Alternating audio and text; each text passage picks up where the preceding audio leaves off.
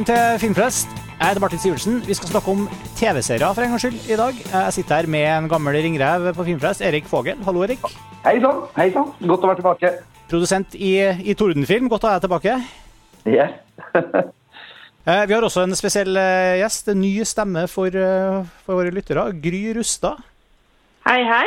Hallo, hallo. Første gang på Filmfrelst. Velkommen. Ja. Hyggelig å kunne få lov til å være med. Vi eh, fant jo på å invitere deg eh, fordi du er jo ekspert på, på dagens tema, på, på TV-serier. Ja, jeg har i hvert fall eh, forsket på det i fire år og skrevet en doktoravhandling om TV-serier, amerikanske TV-serier. Så Som du ganske jeg kan, kan en del, ja. har, har, har disputert på, har du ikke sant? Ja, eh, det er herregud, det er faktisk to uker siden bare i dag. Gratulerer. Gratulerer med det. Veldig nybakt doktor. Eh, Doktor i amerikanske, og spesifikt amerikanske serier. ja. Doktor Rustad. Ja, rett og slett, faktisk. Det er litt, det er faktisk litt stas. Absolutt. Men eh, altså eh, Amerikanske serier, TV-serier er et fordypningsmedium, men hva, det, hva konkret har du fordypa deg i? Hvilken eh, Det jeg har skrevet om, er um, Jeg har uh, skrevet om hvordan enkelte serier, altså rent estetisk, eh, ser ut til å inspirere det jeg har kalt telefili, som spiller da på sinofilien. Altså, jeg har skrevet om serier som Mad Men, The Wire, Luck of Tromay. og hvordan disse er veldig sånn estetiske. altså Det er veldig mye vektlegging av estetiske detaljer som da publikum eh, plukker opp og diskuterer på nettet. F.eks. Sånn når man har sett en Mad Men-episode, så går folk inn og diskuterer kostymer og um, hårfrisyrer, altså hvordan de forandrer seg, og hvordan det på en måte forteller historien i Mad Men. da. Sånn, F.eks. feminisme, altså hvordan feminisme gradvis blir implementert inn i hverdagen til folk blir jo fortalt gjennom disse kostymedetaljene. F.eks. skjørtelengder og, og sånne ting. Så det er det jeg har skrevet om. Mhm. Er det eller spesifikt eh, er, Skiller seg på måten det blir eh, brukt på TV-serier kontra på film? Og så kunne du ha Altså, det er jo derfor jeg kaller det telefili. er jo fordi den, Det har veldig mye likheter med cinefilien. Altså den der gleden av det estetiske, og altså miste seg selv i det estetiske, fetisjere det estetiske og her og nå. Eh, men det som er forskjellig, er vel kanskje mer det at eh, dette brukes ofte i den tematiske fortellingen, da, som jeg kaller det. Altså, disse seriene, altså, ta f.eks. The Wire, da, er jo ikke en krimserie i, den tradisjonelle forstand, men det er jo mer en eh, serie som handler om kriminalitet. Og hvordan kriminalitet kommer til, å, å, kommer til i et samfunn. Og hvordan institusjonene feiler og alle disse tingene her. Eh, så, så det jeg eller det jeg argumenterer for, er at disse estetiske detaljene eh, blir brukt for å fortelle disse historiene. F.eks. i The Wire så ser man at fra I én scene så ser man f.eks. McNulty, den hvite politimannens sønner, spille fotball på sånn grønt gress og soccer moms og hele pakka. Og så neste scene så ser du da disse gateguttene omtrent spille da fotball på asfalten midt på natta med eh, ødelagte basketballkruer som mål. ikke sant? Så det sier jo noe om hvordan mm, altså denne skjeve fordelingen av goder er i samfunnet. Det som eh, jeg og Erik eh, var jo tenkt da vi, hadde, da vi kom på at vi skulle lage denne episoden, her, sånn var jo at vi eh, eh, sitter jo her og eh, eh, på en måte holder på med Filmfrelst som en podkast, og så ser vi at vi er jo ikke da at vi er blitt mindre glad i film, men vi er jo blitt minst like frelst av TV-serier. Og det kan jo være praktiske årsaker, eller sånn logistisk-praktiske årsaker til Erik, at vi sitter her som familiefedre og tror Ja. at vi bare klarer å presse inn en halvtime på tampen av kvelden, og så Ja. Vips, har vi sett fire episoder av en eller annen serie. Men, Så, så vi kunne ha sett eh, den filmen. Vi tenkte at nei, den blir for lang. eh, men i stedet så er vi hekta på, på, på mange serier. Altså, det blir faktisk etter hvert et ganske stort volum for egen del.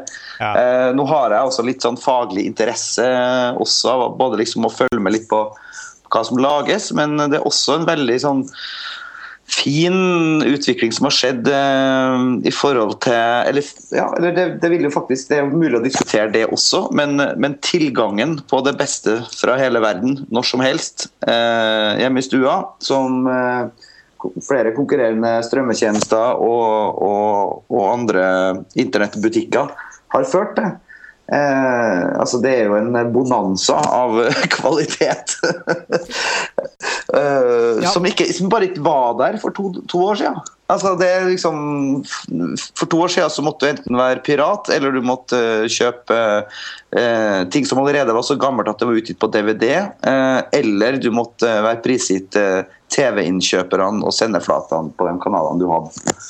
Eh, Det er ikke sånn lenger. Sånt, eh, men jeg hadde et oppfølgingsspørsmål til det du, du snakka om, Gry. Det er nemlig hvem er de telefile? Altså, Er de sånne som meg og Martin? Eh, Sånne Definitivt sånne som dere. Altså, det henger jo sammen med hele det kvalitets-TV-begrepet, som jeg tror for så vidt er i ferd med å forandre seg litt. Men altså, vi må jo huske hvordan disse seriene egentlig ble skapt, eller hvorfor de ble skapt.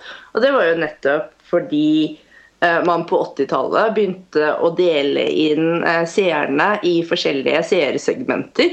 Hvor man så at eh, unge middelklassemennesker med høy utdannelse var de mest attraktive seerne fordi de hadde mest kjøpekraft. Så da kunne man selge det til reklameannonsørene. Eh, Eller man kunne få de til å kjøpe abonnementer på si f.eks. sånn som HBO for å betale for kvalitetsunderholdning.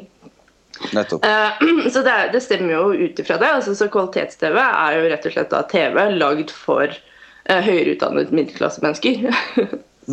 High five, Martin! High five, det også oss.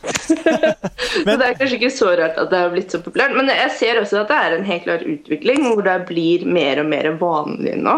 Og du ser jo også veldig mange av de der typiske seriene som folk liker, begynner også å bli enklere på en måte å følge med på, kanskje, enn eh, tidligere. Altså Man har blitt vant til den der serialiserte formen, så det er liksom ikke noe bøyg lenger.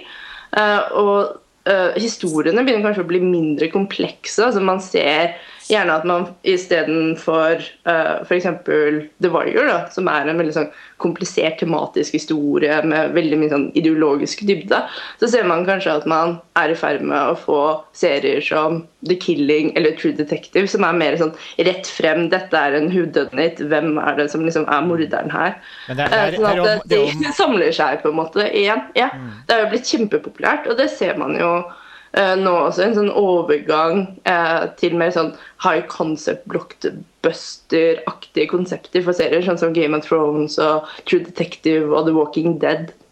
Ja, for er jo, nå er vi jo på en måte på TV-serier som egentlig er på mange måter eh, altså store, lange filmer. Altså De er produsert med de samme virkemidlene og budsjettene og, og eh, altså episke altså størrelser som de store blockbuster-filmene.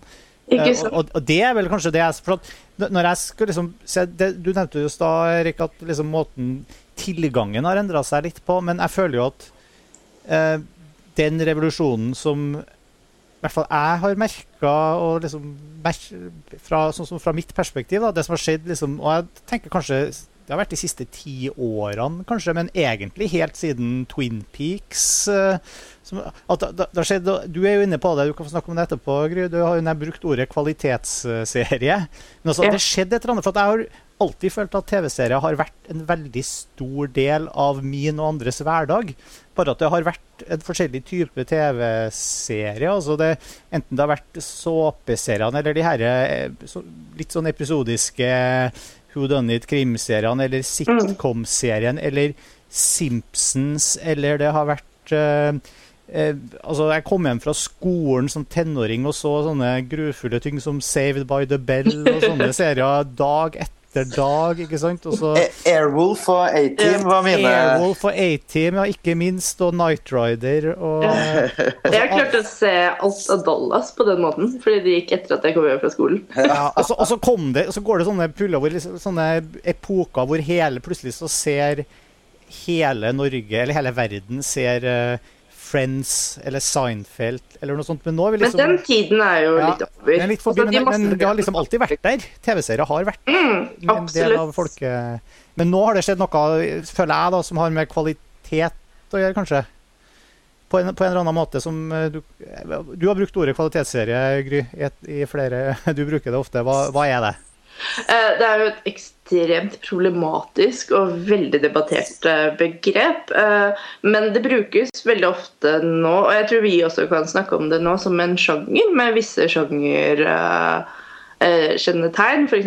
høye produksjonsmidler, en stor altså ensemble-cast, som vi kaller det, og en serialisert historie med minne. Altså, så det har en del eh, spesifikke kjennetegn da, i form.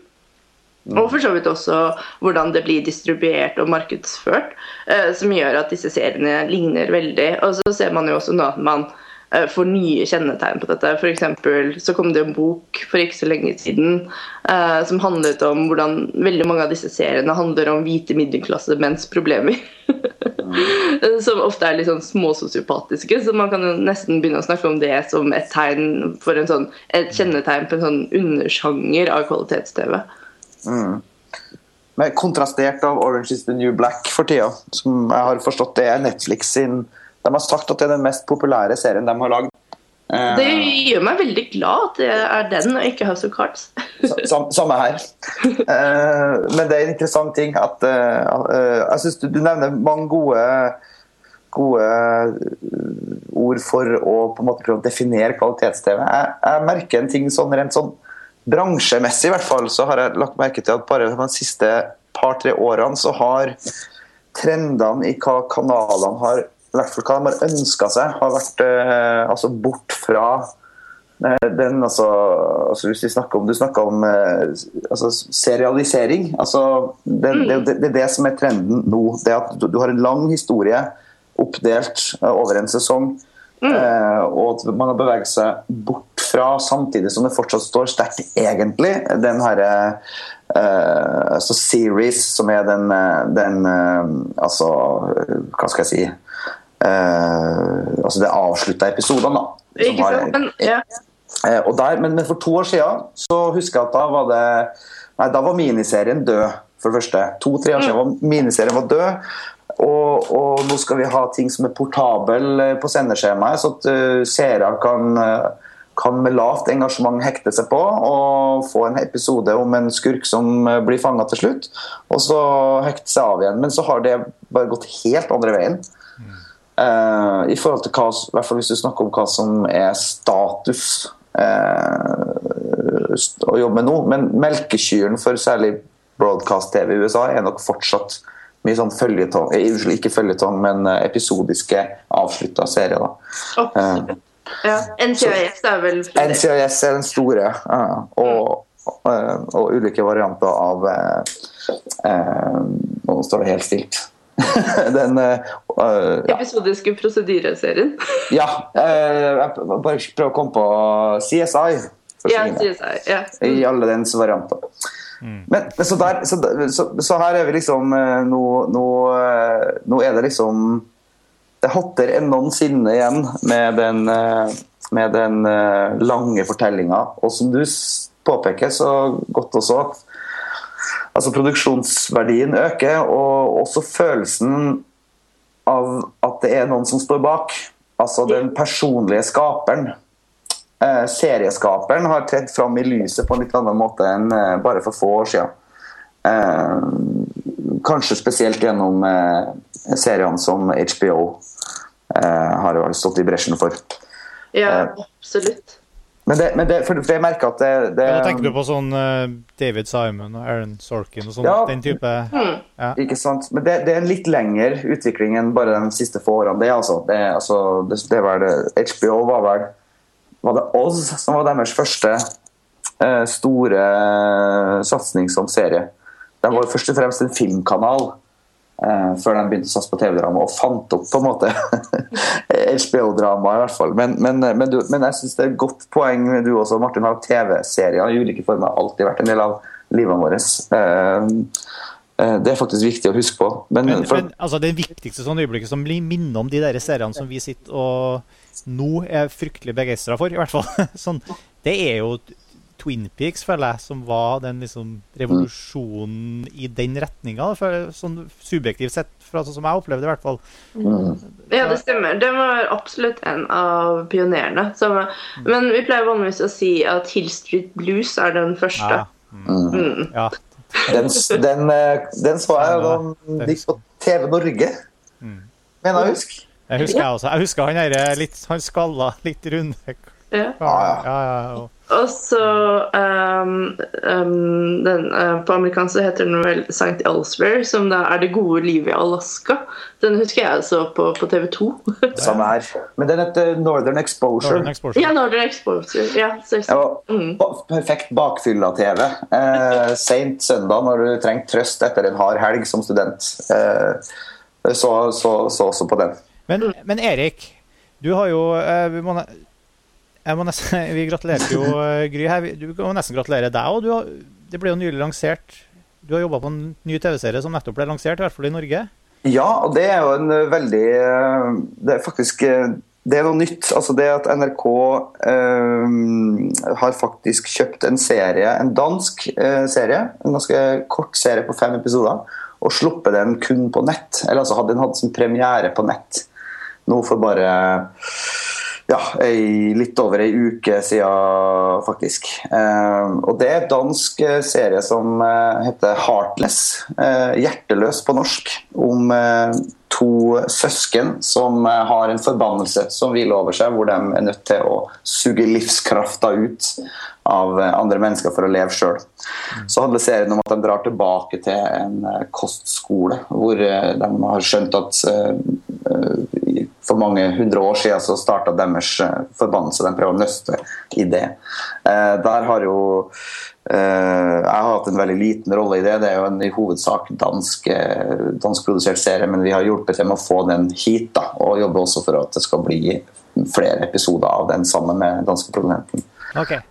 Ja, for, jeg, for jeg, jeg lurte litt på i forhold til det du sa i stad, liksom, hva som er hot, og hva man tenker altså, Om du hadde vært med på noen av de, måte, prosessene i forkant, er under oppsetning og under produksjonen her? Jo. I forhold til, for her er jo det, er jo, det faller også under en sånn sjanger. Jeg har jo sett noen episoder, jeg synes det, det er jo kjempespennende. Og, og sånt, men det er, jo, det er jo i en sånn eh, overnaturlig vampyrsjanger Det er liksom i den sjangeren, da. eh, som er også veldig sånn har vært veldig i trenden eh, noen år nå, som en på en måte en ny, ny greie. Den- handler litt om at de som har skapt serien, har sett at særlig ungdomspublikummet, eh, tenåringspublikummet spesifikt, har fått eh, lite laga spesielt for seg eh, innenfor drama i, i Norden. Eh, så det er først og fremst eh, ment for, eh, for yngre, yngre seere. Og det er også noen ting jeg ser at vi, vi har lite av i, i, i Norge. Altså, da tenker jeg på, tenker jeg på serier som er Altså, Tenåringer ser jo gjerne voksne ting, eh, og følger vel mange av de seriene vi sitter og snakker om her eh, uansett også. Men det er lite som er laga på en måte direkte for den målgruppa, men som også samtidig skal frastøte seg en del andre. hvis du skjønner, Som skal bli de, de, de, deres egen. og det er en veldig vanskelig øvelse. Eh, men jeg syns de har lykkes ganske bra, og den har gått ganske bra på, på nrk.no.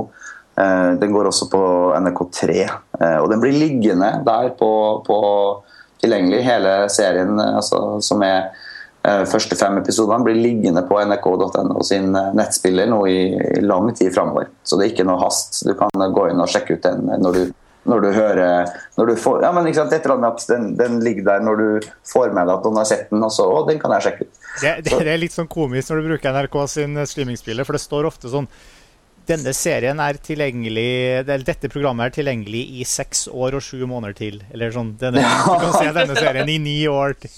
Ja, ja, ja. Men der, der, der er det i hvert fall øh, Vi er i hvert fall altså hvis, så, så, Faglig sett så er jeg veldig glad for å ha funnet noen i Danmark også og forsøke å jobbe med å lage mer TV sammen uh, her, da, eller herfra. Eh, sånn at vi håper å få samarbeide om et nytt serieprosjekt innenfor kort tid som er norsk, men med dansk samproduksjon i stedet. Andre veien. Eh, Du har kanskje ikke rukket å sett den, Gry?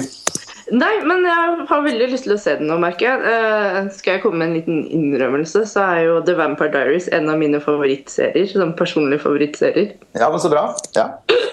Så jeg tror det er midt i blinken for meg. Ja. bra.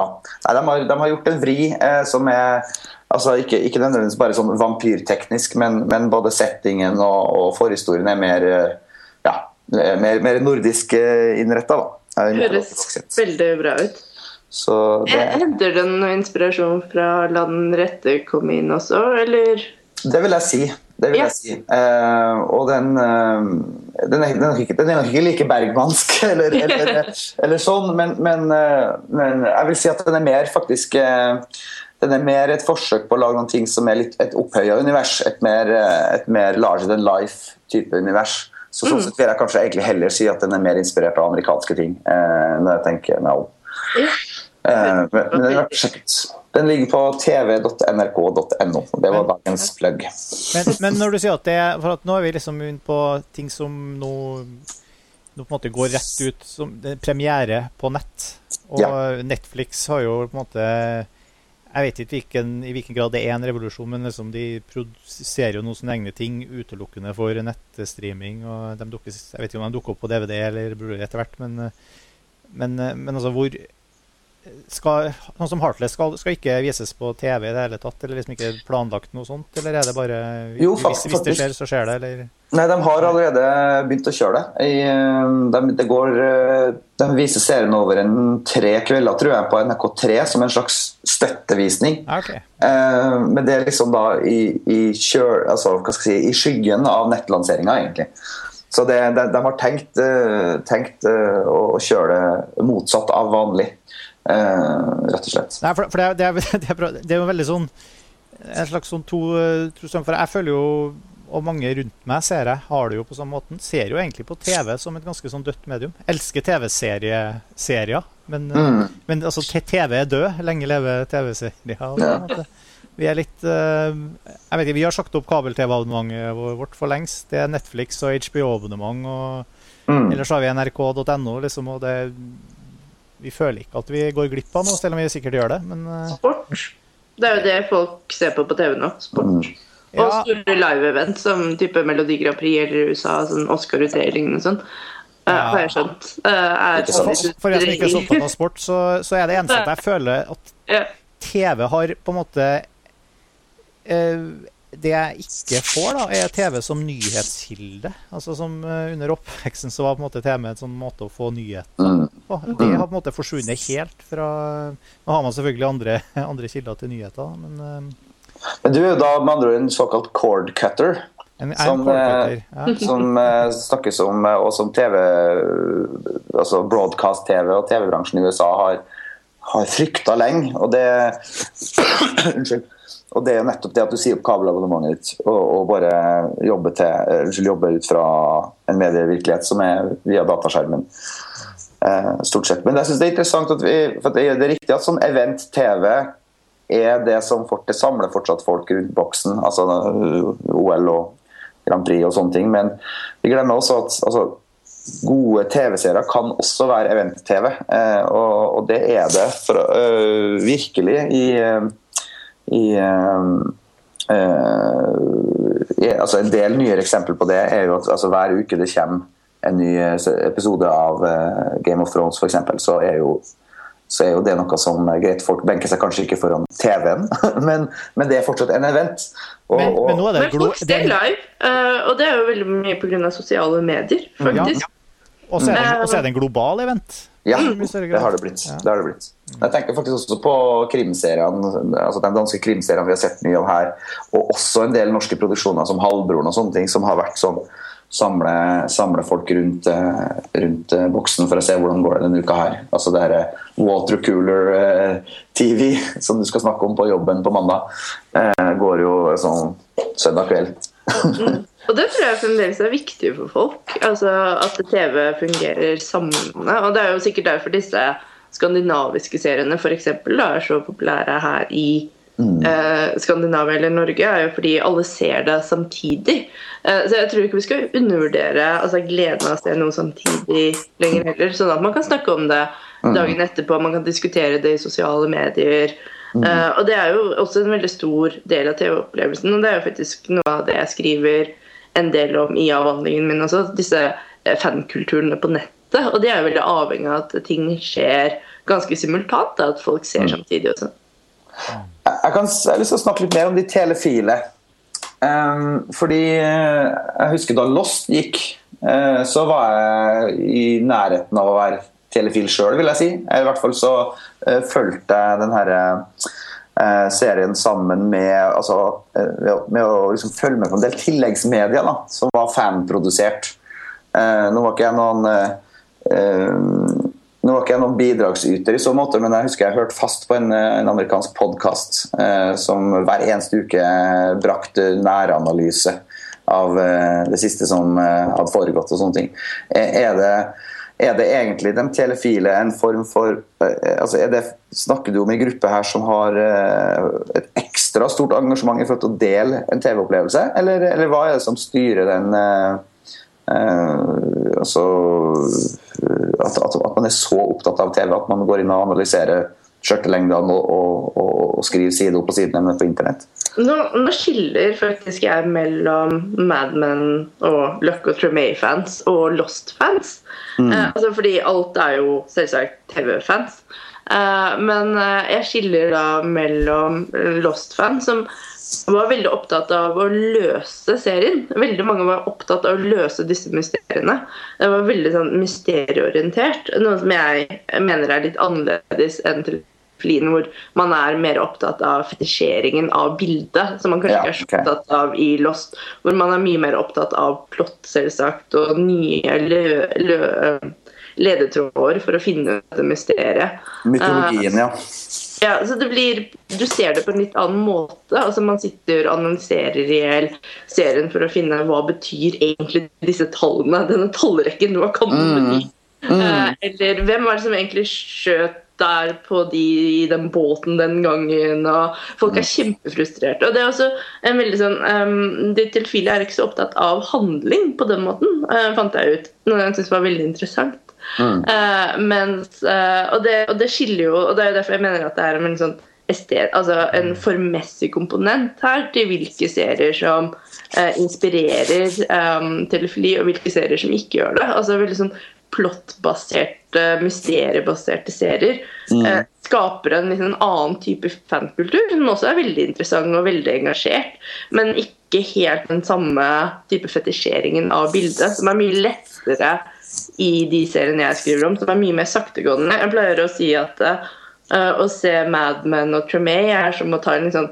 pittoresk um, damptogtur, uh, mens å Uh, se på Lost er liksom som å sitte på liksom, The Bullet Train, uh, Sikansen f.eks. I Japan, hvor alt bare fyker forbi, og du er bare opptatt av endemålet. ikke sant? Denne løsningen på dette mysteriet. Det var kjempegodt. Men jeg syns særlig Tremay i enda større grad enn Mad Men. Jeg mm. syns Tremay er helt en av mine absolutte favoritter. Og, ja, ja, ja. Men det er, jo, det er jo nesten ren estetikk, altså. Det er, det er liksom det er det er så Jeg sitter liksom og tramper trampe takta hele tida mens jeg ser serien, og bare nyter det på en måte som ikke har noen ting med, med nysgjerrighet på hva som vil skje. Ikke sant? Og det eller, jo... eller for, ja. har ikke noe med handlinger, det har med stemning det, det, Ikke fordi jeg er full av, av, samfunn og menneske og alt det her, men det er mm. så mye rent som, som, som, du er inne på, ja. som handler om helt andre ting enn det den derre cliffhanger, uh, who done it. Uh. Mm. Men jeg har også, også sett hele Tremay uh, og elska det. Og for meg var det jo et kult sted å være. ikke sant? Ja. Det, er jo, og det, er det, det, er jo det, som er og jeg ser selvfølgelig også den store forskjellen her mellom Lost og Tremay f.eks. Og det er faktisk gode eksempel på to ja, ulike retninger, kanskje. Men, men Tremay er først og fremst karakterene som man mm. for, min, del som man lurer på. Man er faktisk glad i dem og lurer på og vil, og vil dem godt. da Eh, og, og, mens eh, de mysteriebaserte tingene er også kanskje mye mer en sånn katt og mus-lek mellom dem som lager det og dem som ser det, hvor det også fra serieskaperne sier virkelig For, altså, hvor eh, den der, interessen og mysteriegravinga fores av veldig bevisst da, av, av, dem som lager det. Men jeg, jeg, tror du er inne på noe veldig viktig Erik, det her, med et sted å være. For Jeg mm. merker jo at jeg ser jo masse TV-serier alene, men så ser jeg også masse TV-serier sammen med kona mi.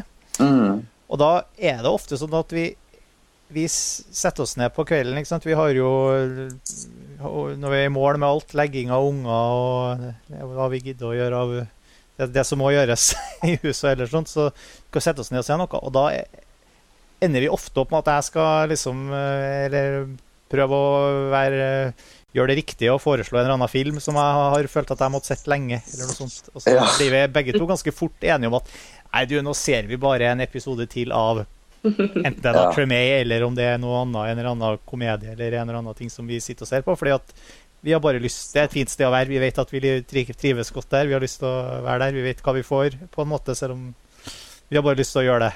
Og så gjør vi det. Og så tar det ja, Enten det tar en halvtime eller to timer senere, eller hva som helst. Så, så det, på en måte, det der et sted å være tror jeg er veldig sånn. Del av hele appellen ved det formatet her. da. Ja, mm. absolutt. Jeg vil si at det er kanskje uh, TV-seriens uh, fremste uh, fortrinn er jo dette med verdensbygging. Det der at de har så lang tid på å bygge ut masse karakterer og en hel verden med sine egne regler og sine egne aksenter. Uh, og sånne type ting. Og samtidig så er det jo også du blir jo så godt kjent med disse menneskene. Så du liksom eh, investere veldig mye nytt i disse karakterene igjen og igjen. Altså som man må med film, da. Og ofte der, hvis du ser en veldig god film, så er det sånn Men, men jeg vil jo vite mer! Yeah. Mm. Uh, og det er jo uh, Og de to tingene her, altså det der man, man nesten opplever vennskapsforhold med disse karakterene. Uh, sånn, jeg tenker jo Mange ganger så tilbringer jeg antageligvis mer tid med enkelte fiksjonskarakterer enn jeg gjør med venner. ja, ja ut, utvilsomt, vil jeg si. Helt klart. Uh, Ikke sant. Uh, så det er nok litt av grunnen til at TV-serien har blitt sånn. Det er sånn second life. Altså, vi har tydeligvis et eller annet ved livet vårt som gjør at, at vi har det behovet, sånn eskapisme, den derre verden. Og da kan en film bli litt bare tanken på en, eh, en, film som egentlig er en stor overraskelse hver gang, mm. er, er, nesten litt slitsom. Ja. Det er mer behagelig å se noe som er kjent. Det tror jeg er helt klart. Uh, og det er jo kanskje også litt av grunnen til at alle disse filmseriene har blitt så populære. At man bygger ut filmserier. altså sånn At man får oppfølgere på oppfølgere på oppfølgere, um, tror jeg. Mm. Uh, vær så god. Ja, jeg lurer på om det er på tide å spørre hva, hva, hva ser dere akkurat nå? Er det, er det riktig å spørre om det? Jeg skulle spørre, spørre Gry om det også, som er også i forhold til at du har både en, en, en fag, faglig liksom, eh, vinkling, men også lurer jeg på hvordan du som, som fan velger serier og, og å se på. Eh, hva, du, hva, hva, som appellerer til deg, og hva du ser på nå. egentlig, Det er jo for, forlengelsen av det. Ja, jeg fant det ut mens jeg holdt på med avhandlingen min, så fant jeg ut at jeg fulgte med på 60 serier. Oi, derfor. så det var liksom big data her. Eh, uh, så jeg ser jo innmari mye på TV. Jeg har alltid sett veldig mye på TV. Uh, jeg er veldig glad i å se på TV. så doktor, dette doktorprosjektet var en måte å kalle det for research? Ja, ja, ja, absolutt. altså, det var en måte å Som f.eks. hvis man er flink til å synge, så prøver man å gjøre det til levebrødet sitt. ikke sant? Så jeg gjorde akkurat det samme med å se på TV. Så jeg lykkes jo helt klart å få full uttelling for talentet mitt. Um, uh, men ja, hva er det jeg ser på? Altså, jeg ser jo på veldig, veldig mye. Um, favorittene nå av nye serier så tror jeg er jeg ble helt sånn forelsket i to Comedy Central-serier. Review og Broad City, som, begge, som, begge, var hysterisk morsomme og veldig sånn annerledes og nyskapende. Broad City? Broad City, ja. Uh, som uh, er girls uh, for oss som synes at jentene i girls ble litt for bortskjemte og selvopptatte. Hadde litt for livsfjerne problemer. Blant City er litt mer sånn eh, Hun ene jobber på altså, vaskehjelp på et treningssenter for å prøve å få endene til å møtes mens hun prøver å lykkes som illustratør. Og hun andre har bare masse rare jobber hele tiden for å ha noe å leve av. Eh, mens hun prøver å ja, finne ut av hva hun egentlig vil når hun blir stor. Um, utrolig morsomt. Og, uh, serien er produsert av Amy Poehler, uh, som har jo helt klart liksom, feministiske undertoner og sånn. Men uh, utrolig talentfulle de to jentene som står bak denne serien. Uh, og Review handler da om Det er vel Andrew Daly, som jeg tror har spilt i Eastbound and Down, som skal anmelde livet. Så han anmelder f.eks. det å spise veldig masse pannekaker, eller reise ut i verdensrommet, eller gjøre noe ulovlig, som å ranne en bank. Uh, så det er utrolig morsomme begge to. Så de anbefales helt klart. Så jeg tror det er de beste nye seriene jeg har sett hittil i år. Comedy Central, begge deler? Ja. Hvor ser man dem? Jeg har sett dem på Hulu. Jeg har et Hulu Pluss-abonnement. Så jeg har vært i USA og fått meg Hulu mangler fra liksom arsenalet mitt. Ja, mitt òg. uh, jeg ser jo faktisk fremdeles mye på sånn amerikansk broadcast-TV, spesielt komiserier og sånn. Og noen uh, Så er jeg jo ekstremt glad i alt som går på the CW, altså sånn amerikanske tenåringsdramaer. Mm. eh, men eh, ja, men Hulu er, er fint. Men jeg tror det er lukket for nordmenn hvis man ikke har amerikansk kredittkort. Man får i hvert fall ikke Hulu pluss uten amerikansk kredittkort, så det er jo egentlig det som er problemet. Mm.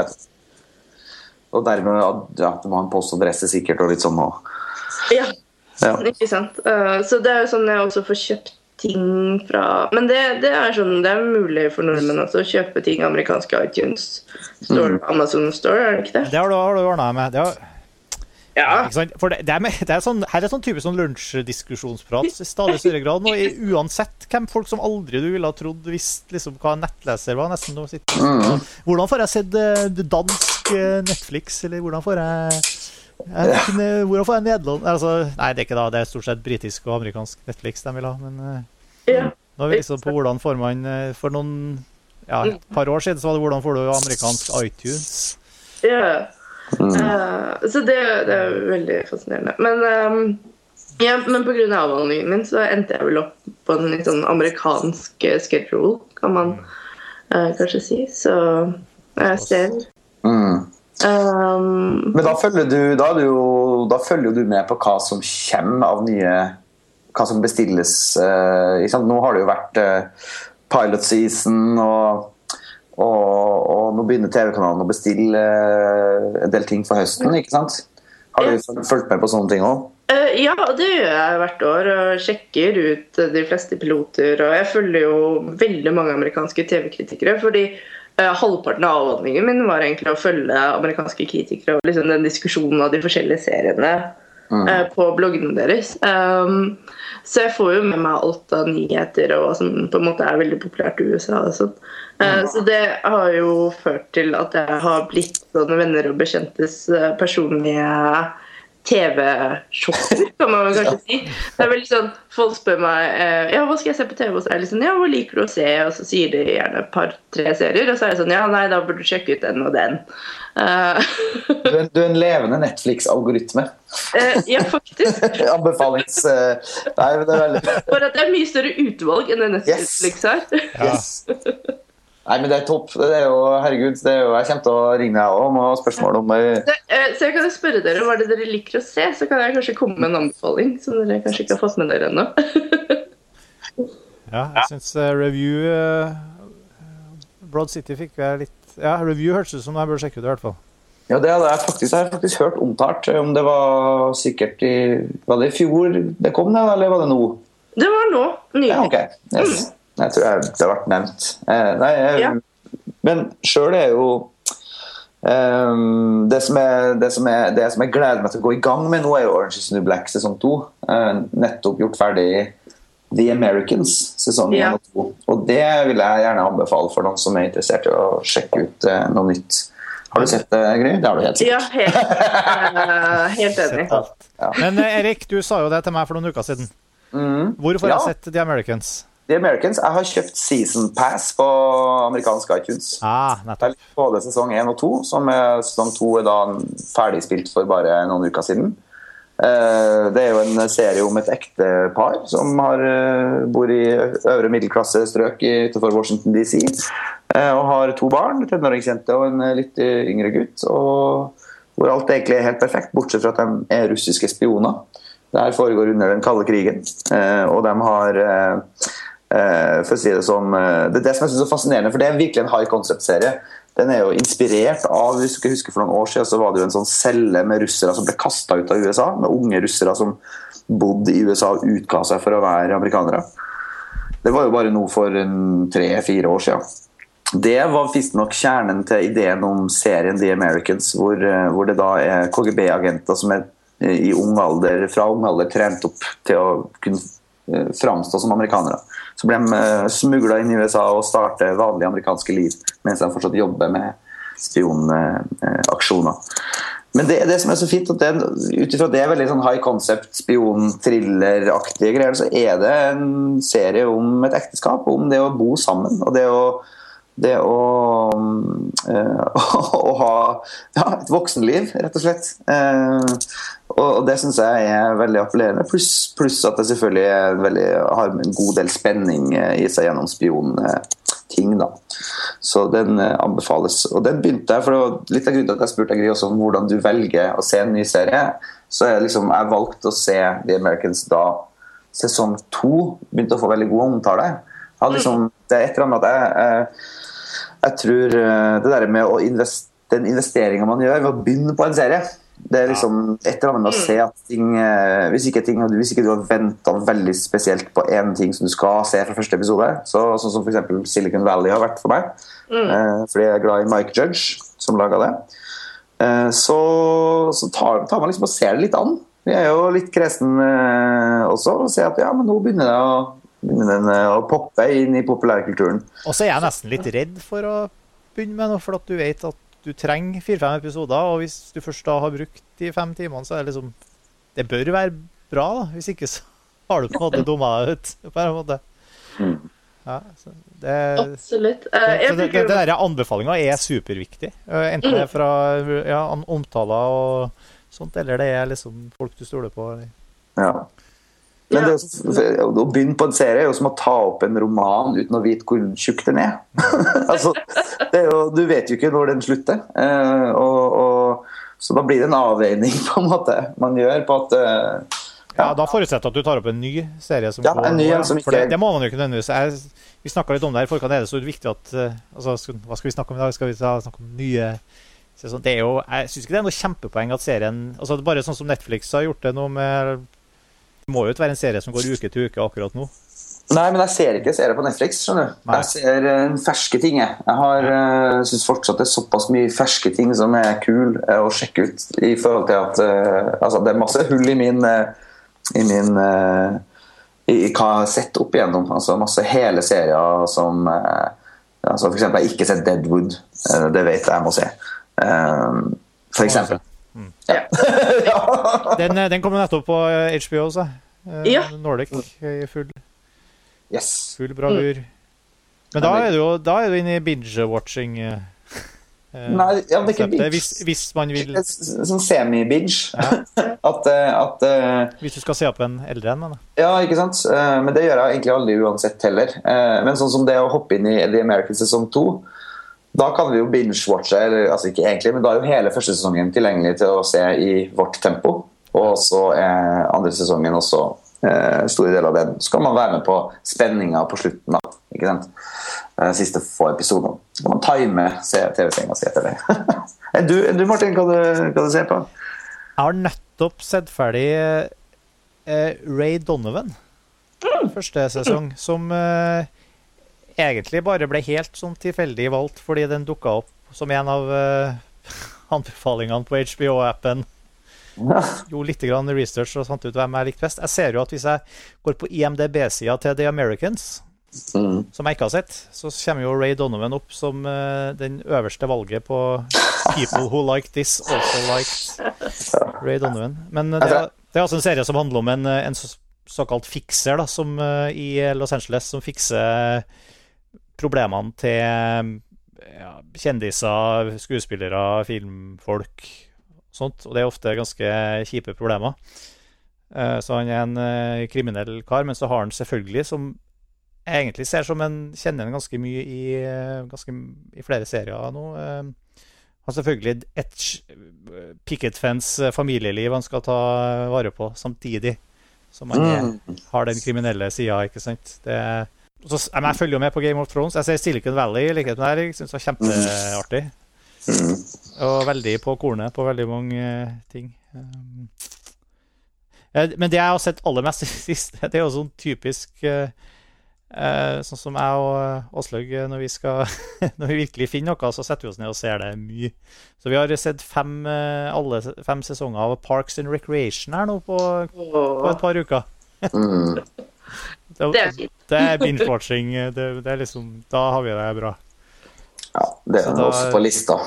Ja, Den er jo er en av de morsomste. Og da er vi jo tilbake på ren sånn underholdning eh, sit, Nesten sitcom-modus, uten at det er ikke latter på boks lenger, men eh, Men den er jo hysterisk morsom, enkelte episodene. The Ja. Flu Season er vel en klasse for seg der, men jeg husker, som er helt fantastisk. Jeg har lyst til å trekke fram en ting som jeg fant uh, Ja. i, i den sjangeren, eller sånn, som kanskje er litt sånn mindre kjent for folk, jeg merker jeg, som uh, jeg har lyst til å anbefale. Som jeg, jeg, jeg har sett uh, Louis, hvis dere kjenner Ja. Louis CK. Ja. Jeg driver og tvitrer om Louis hele tiden. Ja, det er jo så bra. Jeg, jo, jeg, har jo ikke, har ikke sånn supersansen for standup-showene hans, og sånn, er jo en komiker, men TV-seriene hans er jo helt fantastisk. Altså, Alle snakket jo om de lange tagningene i True Detective. Altså, Louis sine lange tagninger er jo det er bare å ta av seg hatten. Det er helt fantastisk. Det, det er med det er TV-serier med film. Liksom, det, er, det er ikke sjangrene som er viktig. Det er på en måte Mm. Det er noe som gjør at man liker det. Altså, det er et hav av forskjell mellom uh, True Detective og Parks and Recreation, liksom. Men jeg må ha begge deler. Absolutt. Men det med Louis altså, Det vil jeg jo eh, si som uh, TV-viter og godt inne i den historiske, estetiske konteksten til TV, uh, så vil jeg si at Louis antageligvis er det mest nyskapende og innovative på TV akkurat nå, og har vært det siden det begynte. Det er, eh, altså Man har jo ikke sett TV på den måten. Han har jo ingen regler for hva han holder på med. Uh, utrolig fascinerende å se hvordan han manipulerer alt ved TV-serien. Sånn som nå, så har han drevet Ja, det også, så han er jo faktisk den første virkelig ekte TV-autøren, eh, kan man jo si. Men uh, det er utrolig spennende hvordan akkurat denne sesongen så driver han og leker med uh, formatet og serialisering og sånn, hvor han har hatt noen episoder som går over flere episoder. Og så hadde han en episode som han kalte Pamela part 1. Og så har vi ikke fått Pamela part 2 og 3 ennå, men isteden så hadde han denne uka så hadde han eh, Into the Woods part 1 og part 2.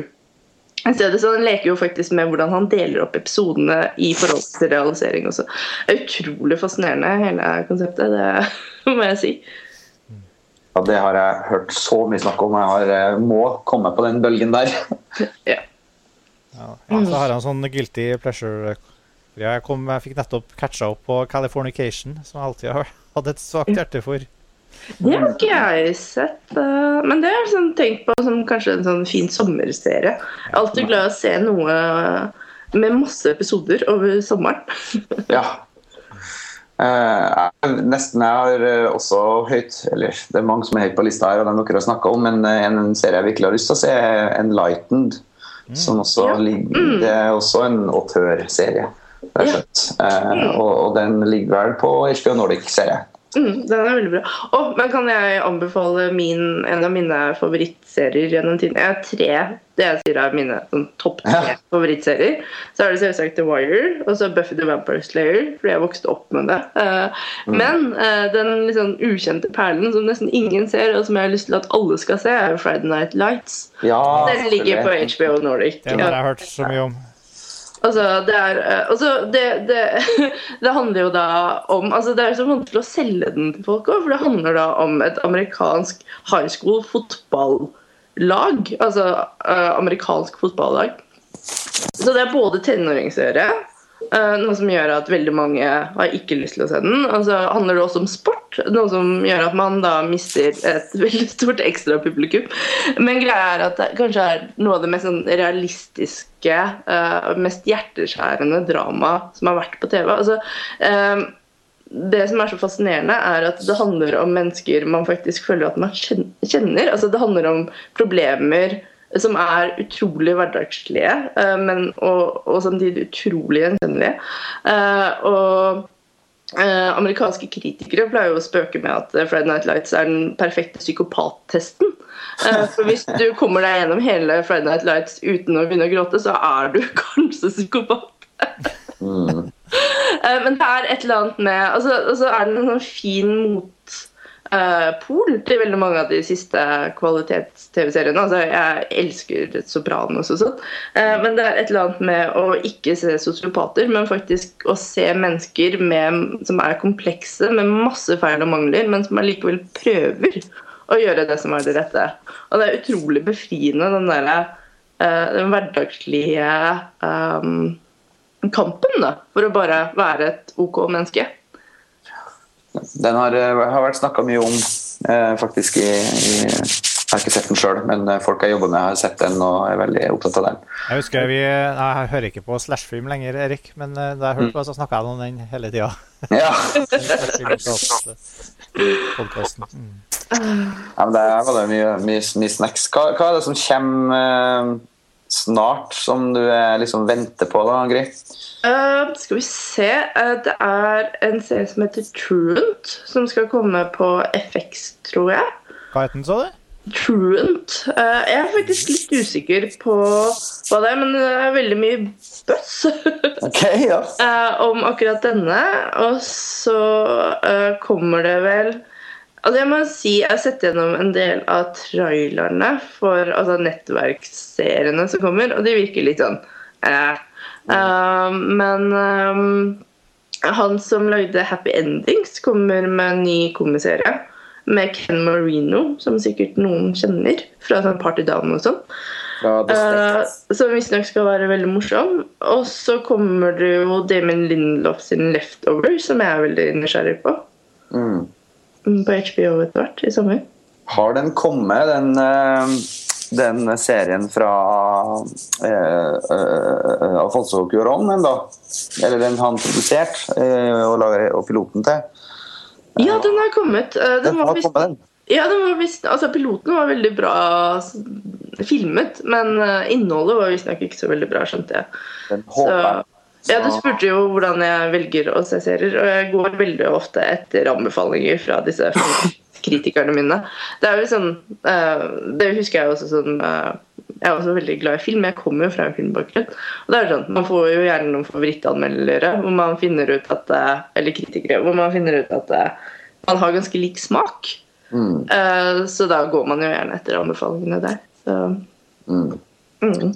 Kan ikke du eh, også sende ordne oss med noen linker til noen, eh, til noen toneangivende kritikere til Ja. for Det kan leserne jeg og, eh, og? Hva bør vi følge hvis vi vil vite hva som Ikke har sant?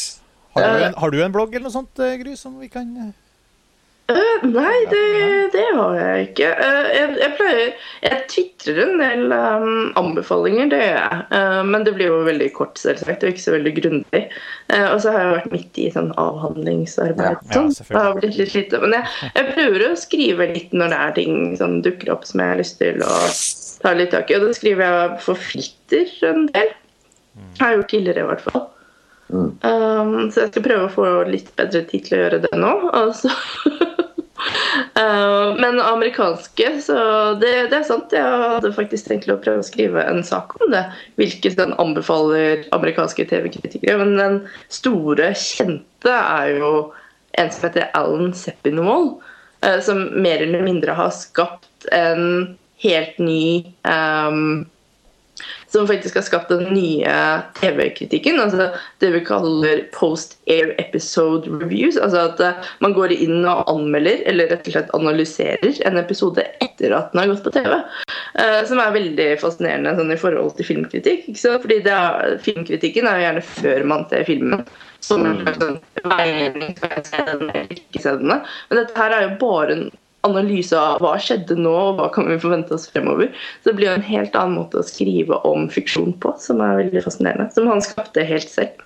Vi er på montasje, så har vi rekker vi nesten aldri å skrive om filmene før de har hatt premiere. Eller snakke om det på filmkveld. Så Ja, Men skriver dere om det uten spørsmål, så må dere inn i sånn slutten Oi, nå hørte jeg nesten ikke hva du sa. Kan du si det igjen, Gry? Du, Ja, um. Eh, altså det Men eh, skriver dere da gjør dere en analyse av hele filmen, eller prøver dere å unngå spoilere og sånn når dere skriver om filmen? Nei da, vi, sk vi, skriver ordentlige omtaler på, vi skriver omtaler på montasje som, eh, som, er Det er nok spoilere der, altså, i mange Ja. tilfeller. Men Mm -hmm. på Filmfest så opplever vi jo nettopp det at folk har mest glede av å høre på oss bruke en Hvis vi skal først sitte og prate om en film i over en time, så vil de helst ha sett filmen selv først. Ja, Så vi opplever jo kanskje aller mest positiv respons på når vi snakker om gamle filmer, som flest mulig av lytterne har hatt eh, tid og sjansen til å se allerede. Ja, det er veldig interessant. Jeg liker det veldig godt. Jeg har en kompis i England som driver en blogg som heter Alternative Takes. Som først så har de en sånn veldig kort uh, anmeldelse eh, sånn uh, før folk har fått sett filmen, og så kommer det en lang analyse av filmen etterpå, som det er meningen at man skal lese etter at man har sett filmen. Men jeg syns det er veldig uh, interessant. Er klart, Men fall- man, man trenger hjelp til å fordøye ting når man har så mye mat. Absolutt. Jeg liker det veldig godt. Og det er jo akkurat det, det disse TV-bloggene gjør. Eh, Så det er kjempegøy. Så hver gang jeg har sett den nyeste episoden av si f.eks. Game of Thrones, så har jeg liksom tre-fire anmeldere. Så jeg går inn og leser altså, recap-reviewen til og bare Ja, hva syns de egentlig? Og, sånn, Nå har jeg også The AV Club, som er veldig populært. Som jeg skjønner en del i Norge bruker også. Og Vulture, som også er, sånn, har disse episodeanmeldelsene. Eh, og som har veldig gode skribenter òg.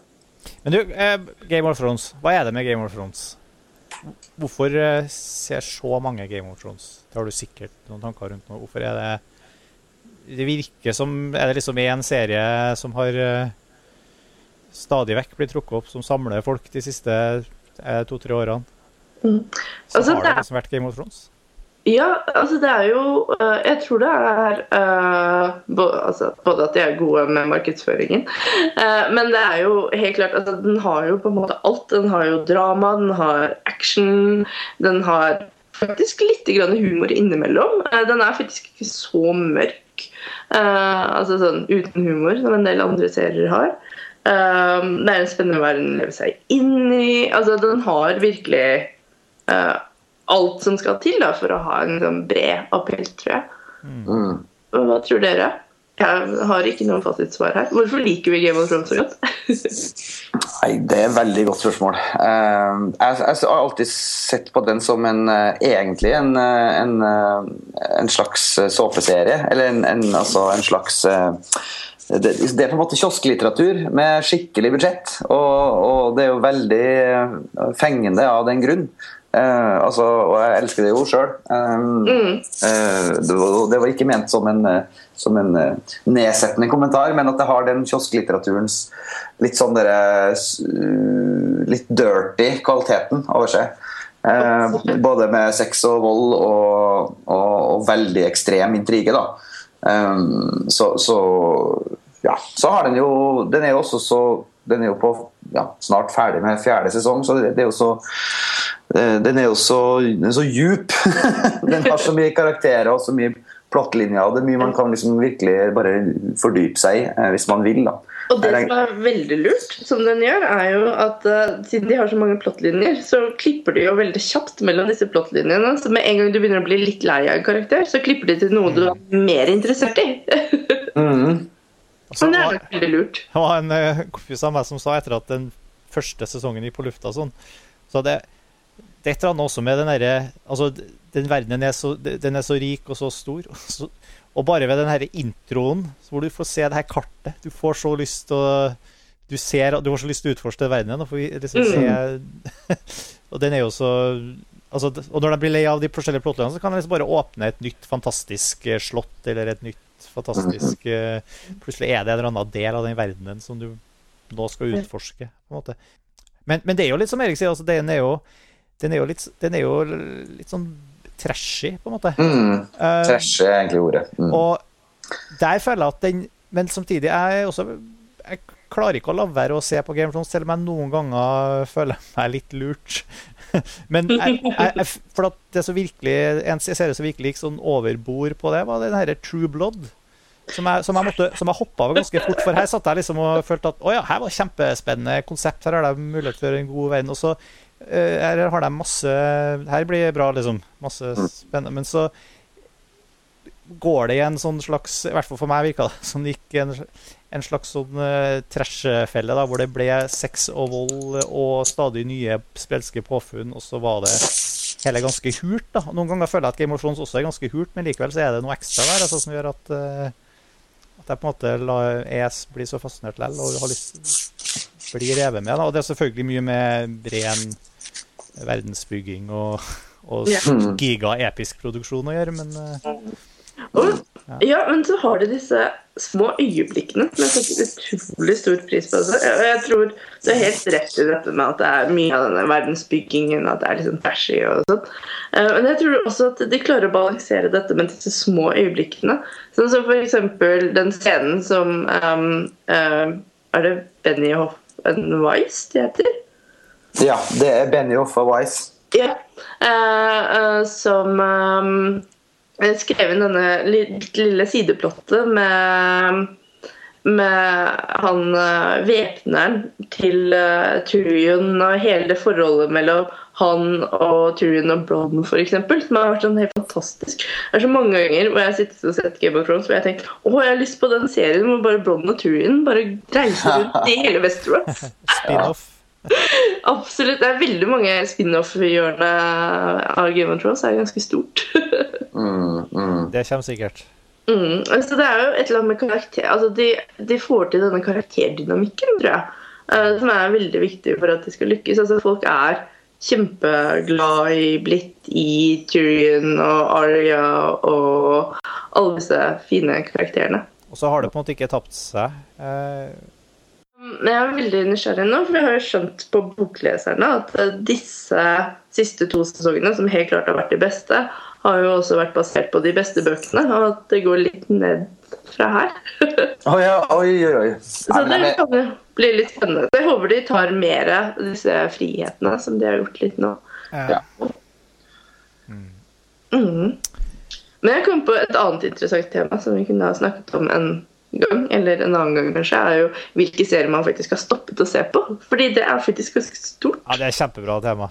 Det er et veldig bra tema. Man... Det er veldig, veldig, veldig negativ podkast. Ja. Jeg, har- jeg har brukt, eh, brukt sendetid på Filmfrelst på, på, på disse flere, flere av dem. Eh, Sons of Anarchy, oh. Dexter Ja. Dexter eh, har jeg jo for lengst. Sesong fire var siste for meg der. Og jeg kunne også snakka om Fargo eh, av nyere tid. Den klarte jeg to episoder av før jeg bare Og også den her til Steve Buscemi. eh, Hva heter den? Warlock Empire. Ja, Ja. den måtte jeg også hoppe av. Også. Den, den har jeg holdt meg gjennom, skjønner du. Den har jeg blitt ved. Har du sett hele Eller er du up to date på den, eh, Gry? Jeg regner egentlig med det. Ja, jeg, jeg, har sett, jeg har liksom sett alt av sånn såkalt kvalitets-TV-serier. Sånn nesten. Roy Donovan har jeg ikke sett, faktisk. Eh, Men ehm, ja, eh, jeg har også hoppet av veldig mange av de dere snakker om nå. Sånn type Sons of Anarchy.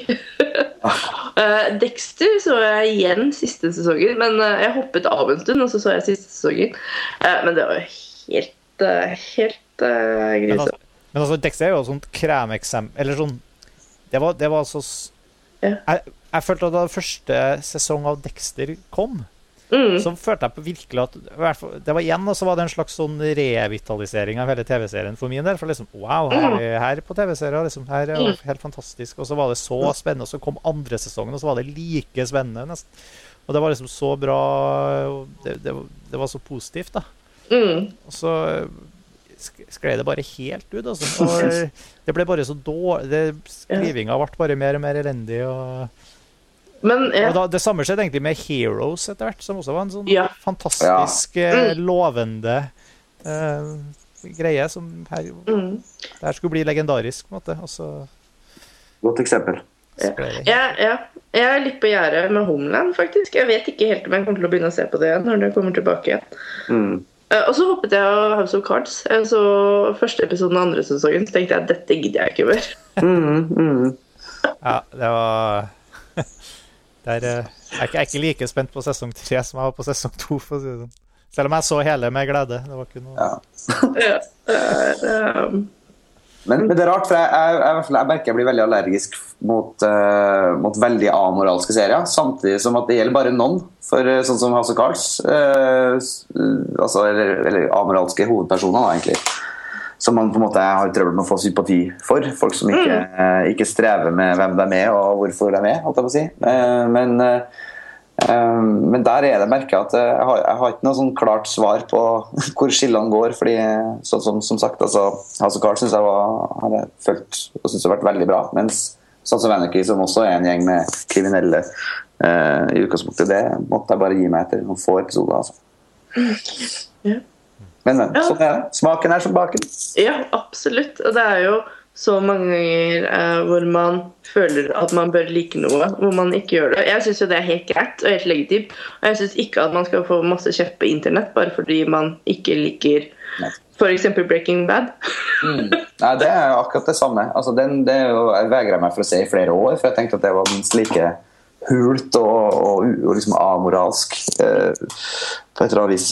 Men uh, det likte jeg til slutt. Det ble jeg veldig stor fan av. Men Ja, sånn, eh, jeg har problemer med det, men det er ikke fordi jeg ikke ser at den har kvaliteter eller hva den vil. mm, Uh, men det er bare fordi det ble for mye. Altså, altså, men akkurat der så tror jeg jeg fant ut at uh, forskjellen på Walter White og Tony Soprano eller gangsterne i The Wire for eksempel, er jo at de blir født inn i denne verden. mm, De har på en måte ikke noe valg, men Walter White er jo en person som velger å ja, break bad. Eh, og, jeg, og jeg ser jo at absolutt det er jo selve uh, essensen i historien og det de vil ha frem, men det ble bare for mye. mm. Nei, det ble temmelig mørkt i noen svinger der, ja. ikke sant? Men uh, det er mørke tider. Det er mørke er skjedd- TV-serier har Altså, tematikken har jo blitt mye mørkere. på de Ja.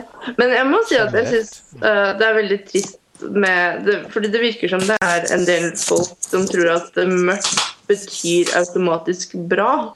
Og der er jeg veldig uenig. Godt, godt eksempel på det er jo Fargo. Ja, selv om Ja. Så det var en veldig stor skuffelse.